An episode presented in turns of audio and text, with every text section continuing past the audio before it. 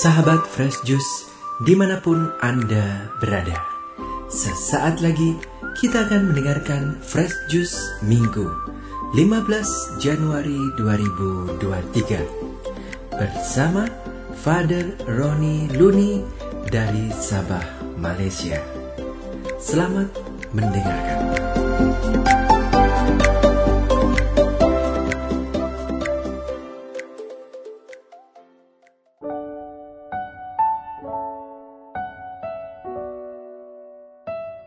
Selamat tahun baru dan salam damai Kristus kepada semua pendengar setiap Fresh yang dikasihi Tuhan. Renungan kita pada hari ini diambil daripada Injil Yohanes bab 1 ayat 29 sehingga 34 yang bercerita tentang Yohanes Pembaptis yang memberi kesaksian bahwa Yesus adalah Mesias. Oleh itu marilah kita mempersiapkan diri dan hati kita dengan hening seketika untuk mendengar dan menerima kabar sukacita Tuhan melalui pewartaan firman-Nya. Pada keesokan harinya, Yohanes melihat Yesus datang kepadanya dan ia berkata, Lihatlah anak domba Allah yang menghapus dosa dunia. Dialah yang kumaksudkan ketika kukatakan, Kemudian daripadaku akan datang seorang yang telah mendahului aku, sebab dia telah ada sebelum aku. Dan aku sendiri pun mula-mula tidak mengenal dia. Tetapi untuk itulah aku datang dan membaptis dengan air, supaya ia dinyatakan kepada Israel. Dan Yohanes memberi kesaksian katanya, Aku telah melihat roh turun dari langit seperti merpati, dan ia tinggal di atasnya.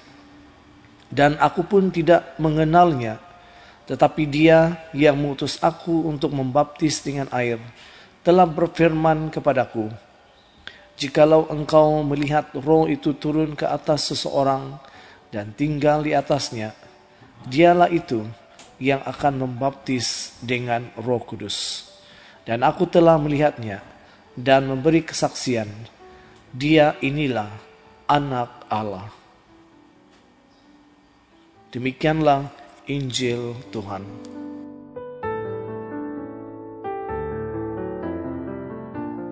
Saudara dan saudari yang dikasihi Tuhan, takut adalah senjata iblis untuk membuat anak-anak Tuhan menjadi mundur, tidak mau ambil bahagian dalam rencana Tuhan.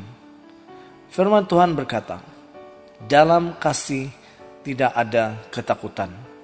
Firman Tuhan mengajar kita untuk menjadi pribadi yang berani, percaya bahwa Tuhan Yesus selalu beserta kita. Maka kita berani mengambil bahagian dalam hal yang positif dan benar. Moto kehidupan Yohanes Pembaptis adalah memberitakan kedatangan Sang Anak Domba Allah yang menebus dosa manusia anak domba Allah itu adalah Yesus. Dalam menjalankan tanggung jawabnya, Yohanes Pembaptis bertindak jujur, berani, dan konsisten. Dia tidak mengambil kesempatan untuk menjadi terkenal dan terhormat. Sebaliknya, dia memusatkan seluruh hidup dan kesaksiannya kepada pribadi Yesus yang adalah Mesias. Ketika Yohanes Pembaptis ditanya oleh orang Farisi tentang hak dan dasar bagi seseorang untuk melakukan pembaptisan, dengan terang-terangan Yohanes Pembaptis mengaku bahwa dirinya bukan Elia ataupun Mesias. Melahan saat dia melihat Yesus datang kepadanya, secara spontan Yohanes Pembaptis dengan jujur berkata kepada murid-muridnya, "Lihatlah, anak domba Allah yang menghapus dosa dunia. Yohanes hendak mengatakan kepada para muridnya bahwa dialah Mesias yang ditunggu-tunggu oleh umat Israel. Dialah korban dan sekaligus korban persembahan untuk menghapus dosa manusia. Di luar Yesus tidak ada kehidupan, tidak ada pengharapan tidak ada pengampunan dan tidak ada keselamatan. Yang ada hanyalah hukuman dan kebinasaan. Bagaimana Yohanes Pembaptis dapat meyakinkan kebenaran itu kepada orang ramai? Dengan memberi kesaksian bahwa Allah yang mengutusnya untuk membuka jalan bagi Yesus dalam memberikan tanda sebagai ciri khusus sebagai Mesias, yaitu roh yang bentuknya mirip burung merpati. Dan tanda itu membuktikan bahwa Yesus adalah anak Allah. Nah, saudara dan saudari, setiap kita yang adalah pengikut Kristus harus memiliki keyakinan yang mendalam akan Yesus dan harus secara pribadi berani bersaksi tentang siapakah Yesus itu bagi hidup kita tanpa ragu bahkan kesaksian kita tentang Yesus bagi hidup kita harus meyakinkan sehingga kesaksian itu dapat menarik orang lain untuk percaya kepada Yesus. Untuk itu, setiap kita harus memiliki hubungan yang intim dengan Yesus agar dapat mengalami kasih dan kuasanya dalam diri pribadi dan memilikinya sebagai milik pribadi kita. Untuk itu kita harus bertekun di dalam doa. Rajin merayakan Ikaristi Kudus. Rajin membaca dan tekun merenungkan firman Tuhan. Hal tersebut harus menjadi kebiasaan dan diolah terus-menerus sehingga meresap menjadi darah daging kita. Dengan demikian, kita menyatu dengan Kristus, sehingga kita juga mampu berkata seperti Paulus, "Bagiku, hidup adalah Kristus, mati adalah keuntungan." Atau, "Bukan aku, melainkan Kristus yang hidup dalam aku."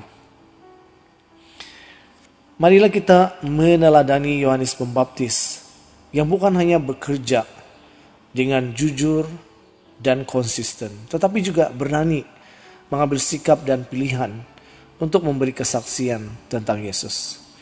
Kesaksian yang sesederhana apa pun mampu menyentuh, menginspirasi, dan menyalakan kembali api iman, harapan, dan kasih orang yang mendengarnya. Fikirkanlah bahwa kesaksian Anda mampu membuat orang lain dibebaskan dari cengkeraman dosa dan tipu daya iblis. Jika selama ini Tuhan sudah berkarya banyak dalam hidup Anda, ada baiknya Anda juga membahagikan hal itu kepada orang lain. Jangan takut memberitakan bahwa Tuhan sudah menyelamatkan Anda dari dosa dan kutuk. Sampaikanlah kuasa keselamatan yang Anda terima dari Tuhan. Memasuki tahun yang baru ini, marilah kita mengenali Tuhan dengan lebih lagi. Semakin kita mengenalnya, semakin kita mengetahui kasih dan rancangannya buat kita, semakin kita kagum dibuatnya.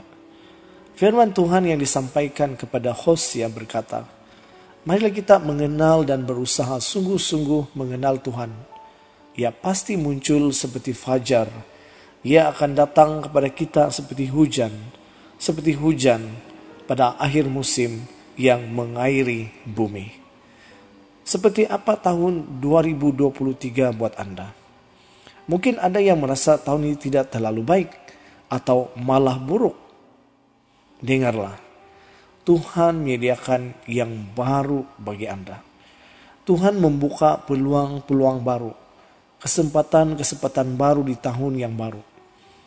Bagi Anda yang menganggap tahun 2023 sebagai tahun yang baik, setidaknya menjanjikan, Tuhan pun menyediakan rahmatnya yang baru bagi Anda.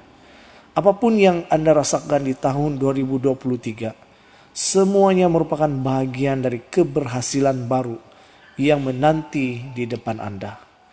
Oleh itu, bersukacitalah dalam menyambut tahun yang baru Jalanilah dengan penuh semangat, keyakinan, dan harapan baru.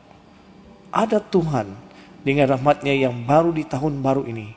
Dan dia akan selalu berjalan bersama Anda dalam setiap langkah. Selamat tahun baru buat semua. Sekian saja renungan hari ini. Semoga kita berjumpa lagi di si renungan yang selanjutnya. Tuhan memberkati dan salam fresh juice dari Sabah, Malaysia. Sahabat Fresh Juice, kita baru saja mendengarkan Fresh Juice Minggu 15 Januari 2023. Terima kasih kepada Father Roni Luni untuk renungannya pada hari ini. Sampai berjumpa kembali dalam Fresh Juice edisi selanjutnya. Tetap semangat, jaga kesehatan dan salam Fresh Juice. Ciao.